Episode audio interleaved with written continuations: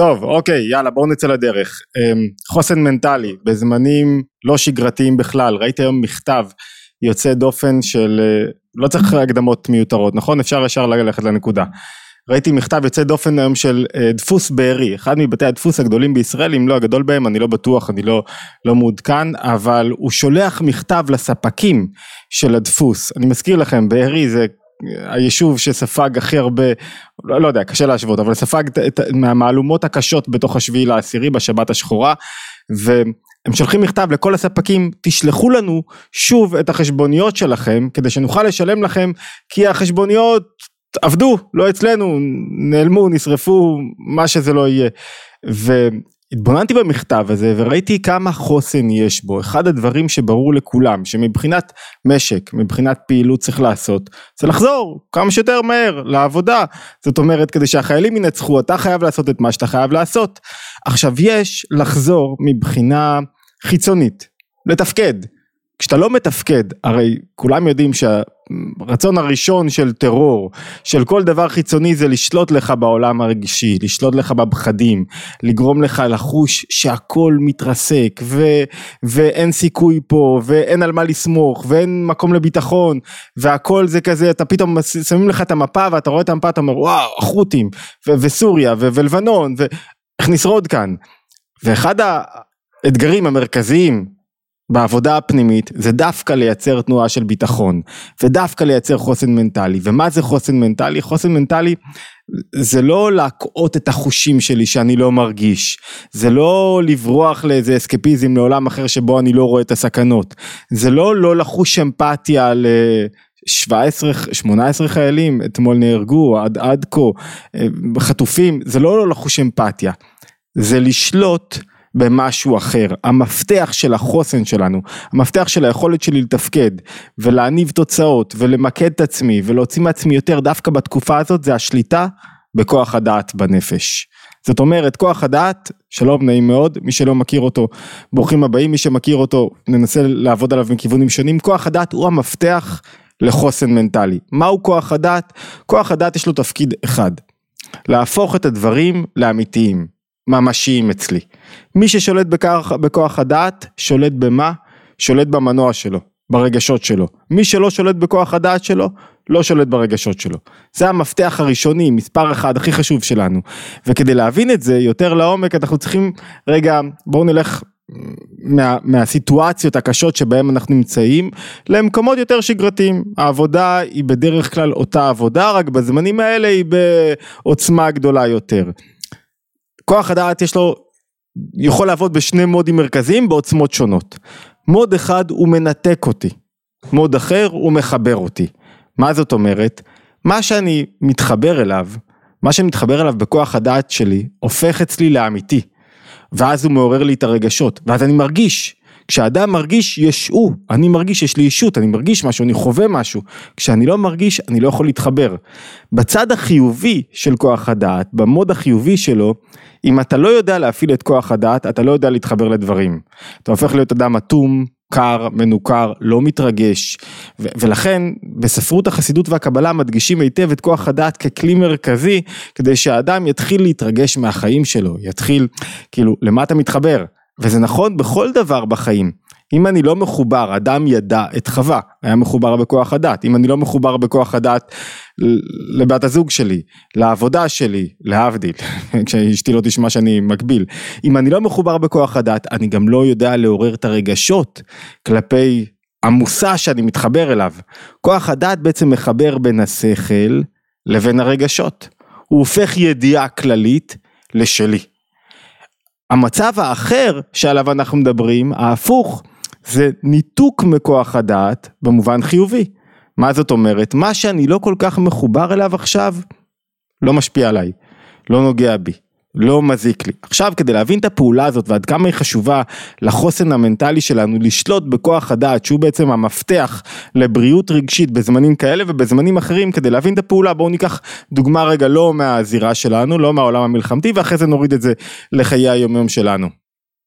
ונשאל את השאלת מיליון הדולר, איך שולטים בכוח הדת, איך אני יכול לכוון את העוצמה, מתי, מתי צריך לכוון את העוצמה, באיזה מצבים, למה לכוון את העוצמה של כוח הדת, לאיזה כיוון לקחת, זאת אומרת כיוון אחד כשאני מסובב את כוח הדת, אני מתחבר לדברים ואז אני מרגיש אותם היטב, כיוון אחר אני מתנתק מהדברים, ככל שאני יותר מתחבר לדברים חיוביים אני מתרגש מהם, ככל שאני יותר מתנתק מדברים אני לא מרגיש אותם. ניתן דוגמה למשל יצא אייפון 5 ואם אני עכשיו רק יודע על התועלות של אייפון 5 אז זה ידיעה שכלית זה לא עדיין מרגש אותי אני לא מונח בזה. אבל אם אני מתחיל לחקור וקצת נכנס לאינטרנט וקצת בודק פתאום כוח הדעת קושר אותי עם האייפון 5 עכשיו השיטוטים שלי השוואות המחירים הם לא רק הבנה שכלית הם לא רק אני מבין שאני רוצה אייפון 5 כי הוא ישרת אותי בהעלאת תוכן. אייפון 15 למה אני אומר 5 15 5 לא יודע 15 לקחתי איזה 5 5 זה לא רק ישרת אותי בעבודה שלי, אלא עכשיו אני מתקשר לזה. אני הופך את זה למציאותי בעיניי, זה ממשי. וואו, עכשיו יהיה לי אייפון, ואיך אני אשתמש בו, ואיך אני אפעיל אותו, ויהיה לי. או, או להבדיל רכב חדש, ואיך אני אסע בו, זאת אומרת העולם הרגשי יתעורר. כשהעולם הרגשי יתעורר, החיפוש, העבודה היא אחרת לגמרי. אני התקשרתי לדברים, זה משפיע עליי, אני יושן עם זה בלילה, אני חווה חוויית קנייה, בכל דבר אותו דבר, בעבודה הרגשית הזוגית. אם אני מחובר לבת הזוג שלי, גם אחרי 25 שנה אני מתרגש מהמפגש, אני חושב עליה, אני, אני, זה, זה מונח בזה, אם אני לא, מתרחק. אוקיי, עכשיו בואו נחזיר את מה שאמרנו עד עכשיו למציאות שלנו. כל השאלה, איזה חיבורים בכוח הדעת, מה אנחנו הופכים לממשי במציאות שלנו, איך אנחנו חיים את המציאות הזאת, למה אנחנו מבקשים להתחבר, כולם רואים את הסרטונים בעוצמות כאלה אחרות, אי אפשר, אפילו מילדים אי אפשר להרחיק את הסרטונים, לא זה הבעיה, השאלה היא מה אני הופך לאמיתי בתוך מציאות חיי, מה זאת אומרת מה אני הופך לאמיתי, זה שראיתי סרטונים של מחבלים בבארי וברצועת עזה, יוצאים מרצועת עזה, זה עדיין לא מפחיד אותי, כשאני שואל את עצמי מה יקרה אם מחבל יגיע אליי הביתה, מה עשיתי? הפעלתי את כוח הדעת, התקשרתי כבר לדבר הזה. אני שואל את עצמי, רגע, אם המחבל יגיע, איפה אני אחביא את הילדים שלי? כבר התקשרתי רגשית. זה לא רק שאלה פונקציונלית שאני שואל את עצמי, רגע, איפה אני אתחבא? זו שאלה רגשית כבר, שהיא כבר חודרת לתוכי, וברגע שהיא חדרה לתוכי, הפעילה את המנגנונים הרגשיים, הלא רצויים במקרה הזה. זאת אומרת, כדי לייצר חוסן רגשי אני צריך לשלוט ברגשות שלי. הדרך לשליטה ברגשות עוברת באמצעות כוח הדעת. אם אני נותן לרגשות שלי להיות פראיים ולנוע לכל הכיוונים, זאת אומרת שאני מתחבר כנראה לדברים לא רצויים ברגע הזה. עכשיו, כדי להוריד את זה יותר למטה, אם אני מתחבר עכשיו, אחד המאפיינים של כוח הדעת זה שהוא מחייב צמצום. ולא בא לי להצטמצם. מה זאת אומרת צמצום? הוא מחייב ממך להתמקד במשהו. כשאני מתחבר בכוח הדעת ל... לתקופה, אני לא יכול להתמקד, הימים עוברים, אני בחרדות, פתאום התקפים, פתאום קשה לי, פתאום אני לא יודע מה לעשות עם עצמי, שלושה שבועות נברחו לי מהזמן. לעומת זאת, אם אני משתמש בכוח הדת, אני מצטמצם, אני עושה מה שצריך ממני ברגע הזה. אני פה עכשיו מחובר למשימה הקרובה שלי, למה שנדרש ממני. כל אחד נדרש ממנו משהו אחר. כשאני מתחבר למשהו בכוח הדת, זאת אומרת, כשאני מחליט להתחבר, אני חייב לצמצם עניין מסוים ולהתחבר אליו. כשכוח הדעת מפוזר הוא מעורר בי המון רגשות שהם נקראים רגשות של תוהו. רגשות הם הכלי החשוב ביותר בחוסן מנטלי, כי הם המנוע שלי, הם מה שדוחף אותי קדימה. בלי רגשות טובים אי אפשר לנצח. הבן שלי התקשר להיום מרצועת עזה והוא סיפר שהמג"ד שלו, עוד לפני שדיווחו על זה, אה, שהמג"ד שלו נהרג, אה, מג"ד 53. והוא היה לו קול ממש קשה, ממש כזה נפילת אה, רוח, והתפקיד שלי היה, התפקיד של המבוגרים יותר מה, לחשל אותו, לתת לו יותר כוחות, נכון, אין, אין, אין זמן להתאבל בתוך לחימה, אם אתם תתאבלו עכשיו בתוך לחימה, לא תוכלו, מה עושה לך התאבלות, והפחד שנכנס, והחרדות, ורמב"ם מפורש, אסור להתפחד, מה זה עושה לך? מקטין לך את את זווית הראייה, אתה, אתה, החייל לא יכול לצאת לקרב. אם אין לו איזה תנועה של, של, של אה, מורל, נכון, נפל, הרבי אומר לפעמים כשנופל מישהו, אז צריך להתעזר ביותר כוחות בתוך קרב, גם בקרבות בנפש, זה התפקיד שלי ביחס לבן שלי, במקום להתמלא בפחדים בעצמי, ולהגיד לעצמי, אוי, עכשיו למה אני מתחבר, לאיזה מציאות של כאוס, ו- ומפקדים נופלים, ומה יהיה עם הבן שלי, ואז החרדות יתעוררו בי, כי לשם כיוונתי את כוח הדעת שלי, או חיברתי את עצמי למציאות של ביטחון, ומה התפקיד שלי כרגע? לחזק אותו, לתת לו כוחות, תרים את עצמך, תקים, תדע מה שאתה עושה. ושמעתי את אחד ה... אה, אחת השיחות החזקות ביותר ששמעתי בתוך השביל העשירי, אני מניח שגם אתם שמעתם, אימא של... אה, שכחתי את שמו, לוחם גולני, שחוזר אחרון למוצב מוצב כיסופים אחרי שרוב החברים שלו נהרגו, ומה אמרתי לבן? חיזקתי אותו, חיזקתי אותו בדברים חמים, שעכשיו אתם יוצאים ואתם תצליחו ותהיה בטוח בעצמך, וכולנו כאן סומכים עליכם, דברי חיזוק, ותכף נראה איך הם מחזקים, איך הם מכוונים את כוח הדת. ואימא של ראם, ראם קראו לו. כשהיא מנסה לחזק אותו בטלפון ראם משוכנע שזהו זה הסוף הוא יודע שיש אלף מחבלים ככה הוא אומר והוא כמעט לבד במוצב וכל הקול שלו רועד ואימא שלו מנסה לחזק אותו. אומרת לו תשמע הוא כנראה היה בפנימייה הצבאית שלוש שנים לקח התאמנת תן בראש תהיה ממוקד. חוסן מנטלי זה יכול להיות שלך להיות ממוקד. מתוך ביטחון שאני לא יודע איך הדברים ייפתחו ייפתרו בעוד רגע אני בטוח שהם יסתדרו לטובתי ואם בעוד רגע יהיה יותר קשה גם שם אני צריך את הביטחון, כי בכל התמודדות, בזמני משבר ובזמני שגרה, כשאתה, הרגשות שולטים בך והדעת שלך מפוזרת והיא לא מכוונת פיזור הדעת והיא לא מחוברת לשום דבר, לא מיקדת את הדעת, אתה עכשיו לא, לא מצליח לתפקד כמו שצריך ואז אתה הכי חשוף שיש לכל דבר שאפשר. גם עכשיו, אחד הביאורים החזקים בחסידות זה שכשיש קושי ואסון, נרחיב את זה עוד מעט, זה לא עונש זה הזדמנות להוריד אור חדש. תכף נבין מה זו ההזדמנות הזאת. אני רוצה רגע לחזור לעניין שלנו, אז אמרנו שפיזור הדעת יוצר היעדר חוסן מנטלי, ואיך זה נראה בפועל, אתה רובץ כל היום בספה וגולל בפידים, בפייסבוק, מאינסטגרם, טיק טוק, ואז אתה נשלט מבחינה רגשית, כי כל פעם אתה ראית תמונה, מה יש? ופתאום עוד חדשות נכנסו, וואו, כן, גם החות'ים שולחים, וואו, גם מסוריה, יואו, מה יהיה בצפון? פתאום אתה מרגיש לאט לאט הרגשות משתלטים עליך, הרגשות השליליים, ואתה לא מצליח לצאת מהמקום הזה, לתפקד, אין מה לדבר. הבית שלך לאט לאט מרגיש שהוא מתרסק, הילדים חווים יחד איתך את מה שאתה מכניס הביתה. אז הדבר הראשון זה להשתלט על כוח הדת. לשאול את עצמי למה אני מתחבר, לאיזה תפיסת עולם, אני, איך אני רואה את הדברים, איך אני, איך, למה אני מתקשר ברגע הזה, איפה הדעת שלי מונחת כרגע. אם אתה לא מצליח עכשיו בתוך היום הזה, שאולי יתפנה לך קצת זמן ללמוד משהו, כנראה הדעת שלך מאוד מפוזרת. אם אתה מצליח ללמוד, קיבלת קצת מנוחת הנפש, כי הדעת הייתה ממוקדת במשהו. אתה מצליח לתפקד, וואו, קיבלת עוד מנוחת הנפש, כי הדעת הייתה ממוקדת. ועוד פעם, זה לא משנה אם הבן שלך, ב... אתם יודעים מה, אני אלך לדוגמה של האקסטרים. שמעתי את אה, איריס חיים, לא יודע אם שמעתם אותה, זה אחד הרעיונות שהכי, הכי נגעו בי, ב, ב, טוב, יש כל כך הרבה אנשים עוצמתיים וסיפורים עוצמתיים, איריס חיים הבן שלה, לדעתי תומר אם אני לא טועה, נחטף, הוא היה גר ב, אה, אה, באחד, בכפר עזה נדמה לי, ונחטף, והיא מספרת בריאיון שהיא סומכת לגמרי. על כוחות הביטחון ועל המדינה שתעשה הכל כדי לשחרר את הבן שלה מתוך מנוחת נפש וביטחון זה, זה לא מפתיע כי בתפקיד שלה היא מלווה חולים סופניים.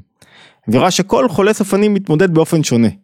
והיא מנסה לתאר רגע שהדרך היחידה להתמודד זה לעורר ביטחון בנפש, שהדברים יסתדרו כמו שצריך. כרגע הביטחון שלה, אני לא ראיתי שהיא אישה דתייה, אני מניח שיש לה, לא, לא, לא שאלו אותה בהיבט הזה, אבל היא אמרה, יש לי ביטחון בכוחות המדינה, בכוחות צה"ל, במי שפועל, אפילו בממשלה שלא הצבעתי עליה.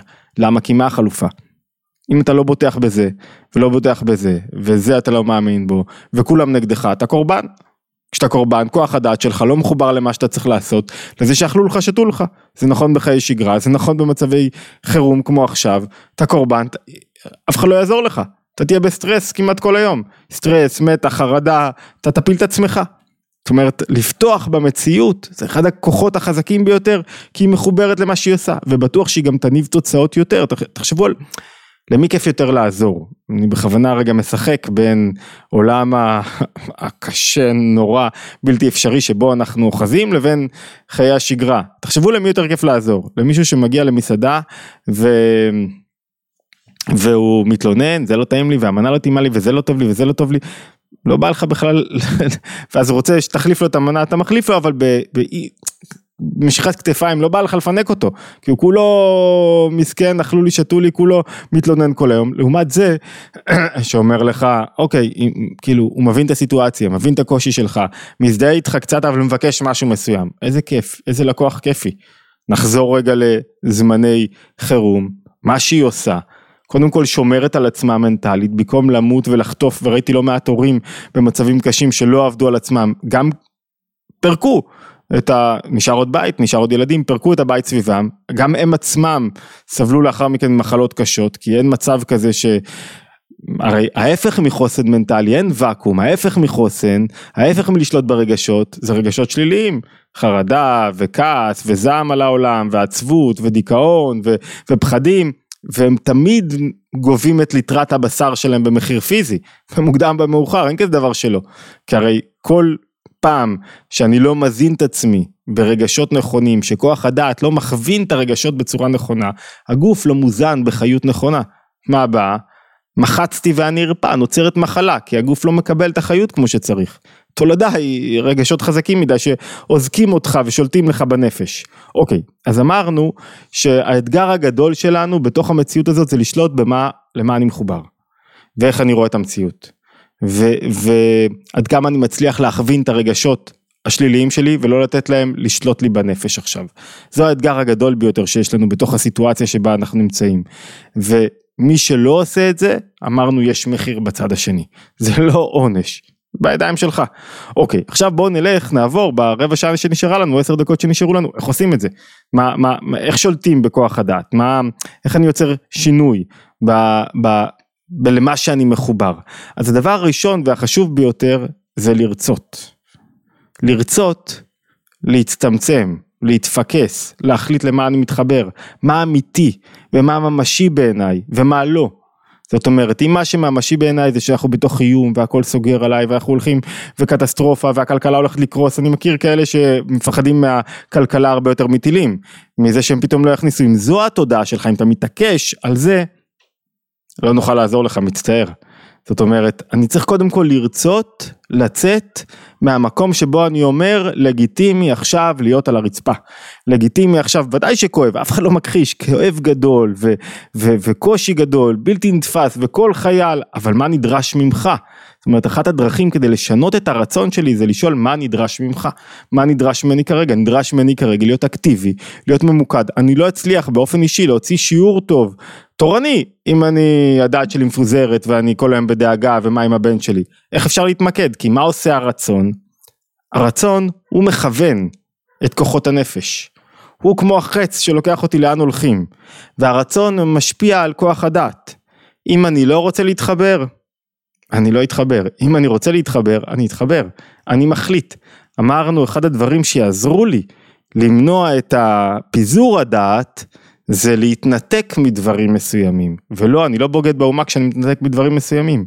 כשמישהו לא אוהב בתוך הזוגיות, זה לא רק שהוא לא אוהב ולא מעורר את הרגש, כי רגשות הם מאוד שבריריים, משתנים במהירות. רגע אחד אני אוהב, עוד רגע אני יכול להרוג, לחנוק, לכעוס, להקטין. כשמישהו לא אוהב, הוא לא רוצה לאהוב. הוא לא רוצה להתחבר. למה מישהו לא רוצה עכשיו להתגבר על חרדה, או על uh, כעס, או על uh, עצבות, או על מתחים, למה הוא לא רוצה? אמרנו, ההיגיון של זה עובד ככה, שכשאני מרגיש, יש אני, יש הרבה ישות שלי. אני מרגיש, אני קיים, יש הרבה עוצמה עכשיו בלהיות זועם, בלהיות uh, חרד, אני לא מוכן לאבד שליטה למה שיקרה עוד רגע, המציאות השתנתה לי ואני לא מוכן, מה יקרה, אני, אני, אני כועס עם המון סימני קריאה. כדי להתגבר ולרצות למקד את הדעת במשהו אחר, אני חייב להיות מוכן לוותר על עצמי. בשפת החסידות זה נקרא ביטול. אם אתה לא מוכן להיות, לוותר על עצמך ולוותר על על שליטה במה יקרה עוד רגע, ולוותר על שליטה בזה שאני חייב שדברים יסתדרו כמו שאני רוצה. אם אתה לא מוכן לוותר על זה, אתה לא יכול למקד את כוח הדעת בדבר אחר. זאת אומרת, כוח הדעת דורש ממך את הצמצום, את הוויתור. אמרנו, קוראים לזה ביטול, ביטול זה לא שאני לא קיים, אלא שאני מוכן להתמקד בדבר אחד. זה הסוד של ביטול, ואני מוכן לצמצם את עצמי, ואז המחיר הוא לא להיות בהרבה מקומות אחרים, ולא להיות פתוח עכשיו בכל ערוצי התקשורת, ולשמוע מה קרה בכל מקום. הרי מה? כדי שמישהו עכשיו ייכנס לפה ללמוד, או להתגבר, או ללמוד כל דבר, שזה, אמרנו, אם אתה מצליח ללמוד, זו אינדיקציה שאתה מחובר. בכוח הדעת שלך, זו אינדיקציה שאתה מתגבר על הרגשות, יודע להשקיט אותם בכפתור הזה, להוריד את הווליום שלהם. ואם אתה מוכר, או ננסח את זה שוב, אם אתה לא בא רגע ללמוד, למה אתה לא בא ללמוד? כי אתה אומר, אני לא יכול, אני בפיזור הדעת. אני, אני לא יכול להתמקד עכשיו, אני, יש לי מלא עניינים בראש, כי אתה לא מוכן לשלם את המחיר של לסגור את כל העניינים. רבי מלובביץ' מגביל את זה למצב שבו אדם צמא, ואומרים לו, אה, תשתה, תשתה. עכשיו, מתוך, בגלל שהוא צמא, אז הוא כאילו לא חש צמאון. כשאתה עומד להתייבש, אתה לא חש צמא, והוא לא מסוגל ללכת למים, למרות שהמים שוב מולו. אז אמרנו שהדבר הראשון שחשוב כדי לעורר את כוח הדעת, זה להכווין את הרצון שלי, לרצות באמת, דיברתי עכשיו עם מישהי בתעשייה האווירית שהעברתי שם שיעור ו, ו, ודיברנו על המצב ועל הסיטואציה והיא סיפרה לי, כן חייבים להיות חזקים מנטלי, כן חייבים, אני חייב להכניס חיות טובה, אבל, ואז באבל היא מכניסה את כל, ה... פותחת את הדלת לכל השערים, מה זאת אומרת אבל, אין אבל, או או, אין, אין מקום, חלל ניטרלי, תחליט. או שאתה צריך להיות חזק מנטלית ושמח במקום שלך ומחובר ויודע מה השליחות שלך, שמח לא במובן של עכשיו אני, שמח במובן של יש לי הזדמנות עכשיו לנצל את הסיטואציה הזאת כדי להוציא מעצמי יותר, כדי להוציא מהתקופה יותר, כדי להוריד אור חדש לתוך המציאות, כדי להתמקד במשהו. אני לא מוכן לבזבז את הזמן על חרדות שלא יתרמו לאף אחד, ועל עצבות שלא תתרום לאף אחד, ועל דיכאון שלא יתרום לאף אחד. ו- וכולנו הפסדנו פה, אין מישהו שלא הפסיד פה כסף, חוויות, יש כאלה שהפסידו חיים, יש כאלה שהפסידו ילדים, יש כאלה, ודאי. לאף אחד לא יועילו החרדות והסטרס והמתח וה, והכעס על העולם. הם לא יעילו, הם לא יחזירו חטופים, הם לא ישפרו את המשק, ויותר מזה, במקום לנצל את ההזדמנות הזאת כדי לצמוח ממנה וכדי להתגבר, אחרי שהיא תסתיים, אנחנו נשארים עם החרדות. כי מי שלא יתגבר על החרדות יישארו בתוכנו. אז אמרנו, דבר ראשון זה באמת לרצות, בלי אבל, בלי אולי, כי אם לא, אני כאילו מכוון את הכוח למקום אחד, אבל בעצם אני מכוון אותו, מציב לו חלופה מיד. זה כמו שמישהו אומר, אני מאוד רוצה לעשות, אני, אני מקשר לכם פה בין דוגמאות, אז ככה, אה, לא בהכרח ש, ש, שנכון לעשות את זה מבחינה רגשית, אבל כדי להבין, אה, מישהו אומר, אני מאוד רוצה להיות בריא, לעשות דיאטה, ואז הוא אוכל אוכל לא בריא ולא קם מהכורסה ולא יוצא לאימון. מה הבעיה שלו? הבעיה שלו היא לא בכוח הרצון, הבעיה שהוא שם רצון אחר חלופי במקום הרצון הזה. זה לא שחסר לו ברצון לאכול בריא ולעשות ספורט, אלא פתאום יש לו רצון אחר בסיגריה, או באוכל לא בריא וכולי וכולי. אני מתנצל, אחי שאני, עידו היקר, שהרב עידו, שאני עושה לך פה, שם אותך באמבושים. זאת אומרת שיש לו רצון אחר, והרצון אחר יותר חזק. כשאתה אומר אבל, גילית את הרצון האחר, תן לי קצת להרגיש עכשיו חרדה, יואו, מה קורה איתי? ולמה אנשים לא רוצים לוותר? כי הם לא רוצים להצטמצם ולהתמקד, ולוותר על האני שלי. כי לוותר על האני שלי זה לוותר על היותי קורבן. הדבר הכי חזק עכשיו זה להפוך ממושפע למשפיע. מקורבן וחסר אונים. כשאני חסר אונים וקורבן זה יכול להוביל אותי למקום שאני לא רוצה יותר את החיים האלה. לא רוצה שום דבר, אין לי, אני, אם אני לא משפיע, אם אני חסר אונים, זה הכל קורס לי. והדבר הכי חשוב זה להחזיר שליטה. ומחזירים שליטה תחילה על המציאות חיים שלי, על הדברים הראשונים במה שאני רוצה להחזיר שליטה. שאני לא רוצה להיות קורבן, יש איזה תענוג קטן בקורבנות, שכאילו, אני, אני, אני משחרר את השליטה, ואז אני במרכז, ואז אומרים לי יואו אתה מסכן, ומה, ועכשיו אני, הבן שלך בעזה, יואו ומה קרה, ונפל לך טיל על הבית, ובאמת אתה לא מרוויח כסף עכשיו, כאילו יש איזה תענוג בזה, זה לא דרך פעולה. זה לא דרך פעולה שתוביל לשום מקום, זה דרך יניקה ולא צמיחה. אוקיי, אז אמרנו נקודה ראשונה, נקודת רצון, נקודה שנייה שאני רוצה כמה כלים פרקטיים כדי לשלח אותנו, אם מי שיש לו שאלות תוך כדי אז הוא מוזמן, אה הנה אני רואה שיש צ'אט, אז מי שיש לו אה, שאלות מוזמן תוך כדי. נקודה שנייה חשובה היא הסביבה שלנו. כשאני מדבר על סביבה, אני מדבר גם על סביבה פיזית וגם על המרחב, ה... לא יודע אם וירטואלי אפשר לקרוא לו, אבל המרחב האינטרנטי שבו אנחנו נמצאים וכולנו נמצאים בו. האדם הוא יצור מדיני מטבעו, חברתי מטבעו. זאת אומרת שאני אדם מושפע, הרגשות שלי בשביל הזולת. כשאני בתוך סביבה שמגבירה את התודעה של הלחץ ושל החרדה, כשאני, יש לי חנות איפשהו ואני יוצא החוצה לדבר עם אנשים, ובמקום שהסביבה שלי תהיה כזאת שמחזקת אותי ומרוממת אותי, אני, אני, אני עכשיו בתוך סביבה שכולם וואו, כן, יואו, איזה מסכנים, הכל נופל למטה, כשאני בתוך סביבה כזאת, זה ישפיע עליי לרעה. אנחנו לא מטילים אחריות על אף אחד אחר, האחריות היא בסוף כל אחד על עצמו, אבל סביבה יש לה יכולת להוריד אותי קצת או לעזור לי להתרומם. מה המבחן של סביבה נכונה, שאני בוחר לעצמי ולא מורעלת ולא כזאת שגורמת לי לפיזור הדעת, שהיא גורמת לי לרצות להיות פעיל, לרצות לקום לעשות משהו, היא לא גורמת לי לרצות להישאר מתחת למיטה ולהאמין בקטסטרופה ולהאמין שהכל קורס. סביבה טובה היא סביבה שמחזקת אותי, ולכן חשוב מאוד, סופר חשוב לבחור את הסביבה שלנו. ואם הסביבה ברגע מסוים היא לא טובה, היא לא בריאה, אני מרגיש שמורידים אותי למטה והכל רע והכל מחשבות שליליות, אני יכול לבקש, זה יכול להיות בן זוג, יכול להיות אח, יכול להיות הורה, תשמע, השיח הזה פשוט לוקח ממני אנרגיות, לא מרומם אותי, בוא נחליף אותו במקום גישה קורבנית, גישה יצירתית, גישה שמחזירה שליטה, גישה שמרימה אותנו למעלה. אז אמרנו קודם כל לרצות לעבוד על הרצון, והסברנו למה אנחנו רוצים אבל לא רוצים. אני לא רוצה להיות בחרדות, אבל רוצה להיות בחרדות, כדי להרגיש, להיות, להיות אני, לעסוק בעצמי, הרבה ישות שלי, אני מסכן, קורבן. אמרנו לחדד את הרצון, ואמרנו לעבוד על הסביבה שלי.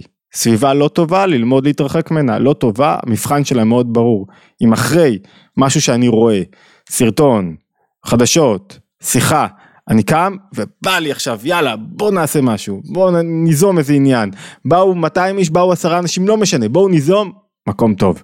אם אני בסביבה שמורידה ומונעת ממני את הפעולה, כנראה שהיא מחזקת לי את הרגשות השליליים ומחברת אותי לדברים הלא טובים. נקודה שלישית שקשורה לחיזוק כוח הדעת, אמרנו שכוח הדעת חייב להצטמצם כדי לפעול. הוא לא יכול, כשכוח הדעת מחובר לכל כך הרבה דברים אתה בתוהו. הדרך להצטמצם בפועל זה ליצור סדר זמנים, סדר יום. מה אתה עושה בכל רגע? להגדיר לעצמך מה אתה עושה ביום. אם היום שלך הוא פרוץ ואין לך משימות והכל, אה, איך שאני בשיעור הופכת, למ... רגע נענה תכף על שאלות, נגמור את הרעיון ונראה מי יהיה לנו דקה שתיים. אה, כי אני יודע שיש דובר אחריי אז אני רוצה להשאיר לו את הזמן ואת המרחב. אם אם אני, אמ, כן יש הקלטה או קישור ליוטיוב, אה, הרב עידו תכף ישלח לכם. אם אני, אין לי סדר יום והיום שלי פרוץ לגמרי ואני משאיר את הכל ליד המקרה למה שילך, יש סיכוי סביר שאני לא מוכן לקבל את המחיר, לשלם את המחיר של להצטמצם. הרי יש מחיר ללהצטמצם, לוותר על דברים. אני לא שומע חדשות יום שלם כי יש לי כל כך הרבה דברים לעשות. הגדרתי לי אה, הספקים בלימוד בתוך הסיטואציה הזאת, אז אין לי זמן עכשיו לעבור על כל כך הרבה דברים. הגדרתי לי משימות שהילדים שלי צריכים אותי, אז אין לי זמן. הגדרתי לי אה, אה, אה, עכשיו עזרה בעניין מסוים, אני מבקר שכנים, אני מחלק משהו, לא משנה, כל אחד והפעילות שהוא עושה, ברגע שהגדרתי אותה והכנסתי אותה ללו"ז שלי, אני חייב לשלם מחיר של מה, שלא לעשות פעילות אחרת. אני עכשיו כאן, זה, זה נכון, אמרנו גם בזמני שגרה, כשמישהו רוצה ללמוד, הוא חייב להקריב את הקורבן של לשים את הטלפון בצד, של לוותר על מה קורה. הרי מה זה הטלפון, מה קורה, מה מתחדש, אתה חייב להחזיר את הכוח, את השליטה של ההתחדשות לידיים שלך. ואם אתה לא עושה אותה, אתה לא, אתה לא יכול להגיע למצב של שליטה בכוח הדת, כי אתה נשאר מחובר להרבה דברים. אז נקודה שלישית היא, מה אמרנו? אמ, ליצור סדר זמנים, ביום, ממש. וכמה שפחות להשאיר את עצמי פנוי. בזמן שאני פנוי, זה הזמן שבו המחשבות בורחות ללא שליטה, ואז מה קורה? נכנסו עם כל מיני קוצים בשפת הקבלה והחסידות, בשפת הארי, והם יוצרים אצלי את כל הדברים השליליים. מה זה קוצים? הנפש מפוזרת. למה? כי כוח הדעת לא הכווין אותי. לא הכווין את העולם הרגשי שלי. אוקיי, נקודה רביעית אולי, ואולי נסתפק בה פעם. אמ, אמרנו שאחד הדברים שפועלים על כוח הדעת, אפשר לפקול על כוח הדעת מלמעלה או מלמטה, כדי לחבר אותי. אחד הדברים שפועלים על הדעת זה סוג של מאמץ שכלי. זאת אומרת, ככל שאני מוכן יותר להתאמץ מבחינת הבנה שלי את המציאות, יש יותר סיכוי שזה ירד לי עכשיו, ל... יקשור אותי למה זה אומר לי עכשיו. אחת הדרכים הטובות ללמוד, אני מניח שפה בתוך הקונטקסט הזה יש הרבה אנשים שלומדים שיחות ומאמרי חסידות, אחת הדרכים ללמוד שיחה בחסידות היא לשאול מה זה אומר לי כאן ועכשיו בחיים שלי. איך זה נוגע אליי, אם זה לא נוגע אליי, אם זה לא אומר לי שום דבר, רק הבנת משהו שכלית. נהנית מתובנה, ההבנה של נקודת החוכמה הפעימה אותך, יצרה בך איזה רגע הערת תענוג, אבל זהו, זה כבר לא חדר לתוך החיים שלך. כאילו מה שלמדת נשאר ברובד השכלי, לא חדר לעולם הרגשי כדי שזה יחדור, זה חייב להשפיע עלי לרגשות. אני אתן לכם דוגמה, יש לימוד מאוד מעניין של אמ, בתשעה באב, אחד המשלים שדרכם מסבירים את תשעה באב, אני מזכיר לכם, בתשעה באב לא נרצחו 1400 יהודים, נרצחו מאות אלפים, יש כאלה שאומרים מיליון וחצי, תשעה באב בית חורבן בית ראשון ובית שני, ו, ואחד המשלים שספרות החסידות משתמשת בהם כדי להבין את תשעה באב, זה תחשבו, כאילו שואלים איך הבורא עשה לנו את זה. אז, אז אחד המשלים שבהם משתמשים זה, תחשבו על מורה שמלמד את התלמידים שלו, ופתאום הבזיק לו רעיון. עכשיו הרעיון הזה היה תענוג גדול, והיה לו איזה תנועה עכשיו נפשית של הוא רוצה לקלוט את העניין, אז הוא באמצע השיחה לתלמידים, כאילו עצר בהפוגה והסיח את הדעת לרגע אחד, ו, ו, וכאילו התפנה למשהו אחר כדי לתפוס את הרעיון, אבל בעצם המטרה של המורה בתפיסת הרעיון הייתה חיובית. מה המטרה החיובית הייתה? כדי להביא את הרעיון חזרה לקהל, כדי להביא את הרעיון חזרה לשומעים שלו, כדי להביא משהו מפותח יותר, להוריד אור חדש לעולם. אותו דבר, ככה מתייחסים לקושי ומשבר ואסון, ככה מתייחסים בספרות החסידות. כאילו יש איזה, כאילו הקדוש ברוך הוא רגע עזב כדי להוריד אור חדש. כאילו בהקבלה מעניינת, כמו המורה שעוזב רגע כדי להוריד אור חדש לתוך העולם שלנו. עכשיו כשזה תיאורטי ולמדנו מאמרי תשעה באב לפני שנה שנתיים שלוש זה, זה נשמע מעניין אוקיי כי, כי חורבן בית ראשון ובית שני כל כך רחוקים. עכשיו אתה שואל את עצמך רגע מה מאמר שכזה מה התודעה שכזאת אומרת לי. שהבורא כאילו שאנחנו בתוך סיטואציה מאוד קשה מאוד כואבת ואני יכול לראות אותה אחרת. כחלק מהתפתחות וצמיחה, לא כעונש, חלק מהזדמנות להשתפר, ואיפה אני תופס בתוך המציאות חיים שלי את ההזדמנות הזאת להשתפר, לגדול, להוציא מהחיים שלי יותר, להשיג יותר הישגים. וואו, עכשיו לקחתי איזה רעיון, מאמר חסידותי, והורדתי אותו באמצעות כוח הדעת שהתקשרתי אליו למציאות עכשיו. ופתאום הוא אומר לי דברים אחרים לחלוטין. וזה המאמץ השכלי שנדרש מכל אדם, שהוא מסוגל ללמוד, להקריב את הקורבן שמונע ממני מללמוד, אחרי זה כשהוא למד משהו לשאול מה, מה, מה בתוך מה שהוא למד אומר לו בתוך חיי היומיום, מה אומר לו עכשיו בתוך ההתמודדות, זה אומר לך שכדי להוריד את האור החדש אתה חייב להכין כלי, כדי לקלוט אותו. והכלי כדי לקלוט אותו זה למה אתה מתקשר, איך אתה רואה את המציאות? כעולם של תוהו שבחיצוניות הכל קורס, אוקיי הזדמנות ליצירה חדשה וצמיחה חדשה. ואני רק מזכיר לכם פה כדי להזכיר את ההיסטוריה של העם היהודי שלפני אחרי מלחמת העולם הראשונה ואחרי מלחמת העולם השנייה בתקופות הקשות ביותר לעם היהודי כש, כש, כשנראה שאין שום כיוון וכשמאות מיליוני יהודים נרצחו, אז הרבי הרייץ, רבי יוסף יצחק מסכם את אה, חייו בצוואה האחרונה שלו במאמר שנקרא באתי לגני. 1950 המאמר אה, תש"י המאמר אומה, העולם כלפי חוץ נראה כעולם מאיים, ככבשה שעומדת וסביבה 70 זאבים בפנימיות. זה עולם שהוא בעצם גנו של הקדוש ברוך הוא. שאם אתה עובד על התודעה שלך ועובד על איך שאתה רואה את הדברים, אתה רואה פה הזדמנויות אחרות לחלוטין. עכשיו זה לא רק היגיון דתי אמוני או אמוני, זה גם היגיון הכי פונקציונלי שיש. איש עסקים שעכשיו כל הזמן חושב, אוי, דפקו אותי ולא הכנסתי את מה שצריך, והוא לא רואה את ההזדמנויות החדשות, את מה שנדרש ממנו. בקורונה, הרבה אנשי עסקים בקורונה, במקום להיות אופטימיים ולראות איך הם יכולים להצמיח את העסק שלהם, ותמיד יש שלב הצמחה, מה זה הצמחה? שאתה עוצר רגע, לפעמים זה לסגת לאחור ללמוד, לסדר את המחסנים שלך, לסדר את הניירות שלך, לסדר את הראש שלך, לחשוב על מוצרים חדשים, להכשיר את עצמך יותר, ללמוד עוד משהו, לחפש קהלים חדשים. מרחיב אותך ללמוד, להתפתח בשפות אחרות, יש לך כל כך הרבה אפשרויות, כל כך הרבה אפשרויות, במקום זה אתה עסוק במה? בפיזור הדעת שלוקח את חוסן המנטלי ונותן לנו עולם רגשי אה, בעייתי.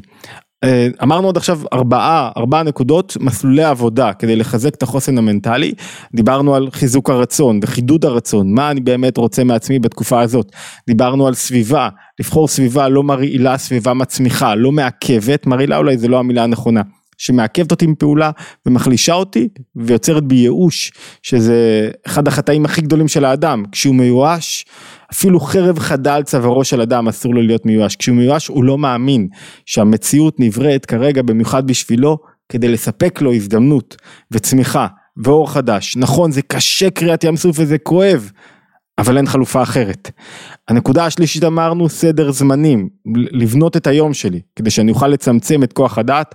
נקודה רביעית, אה, אמרנו מאמץ שכלי, מה שאני לומד והוא מרומם, לשאול איך הוא נוגע לי. איך זה יורד לתוך חיי. נקודה חמישית, אני לא ארחיב כי נגמר הזמן, היא חשובה, היא עבודה טכנית של עבודה על לבושי הנפש, על המחשבות שלי, על מה אני מרשה לעצמי לחשוב על מה לא, מה אני מרשה לעצמי לראות מה לא, זאת אומרת ככל שאני שולט יותר בעולם, בלבושי הנפש שלי, במחשבות שלי, אני יותר שולט בעולם הרגשי שלי. אוקיי, טוב, עמדתי אני חושב פחות או יותר בסד הזמנים, אה, יש שאלה או, או... אם לא, אז אני אודה לכולם. אה, ואשאיר את המיקרופון לדובר הבא.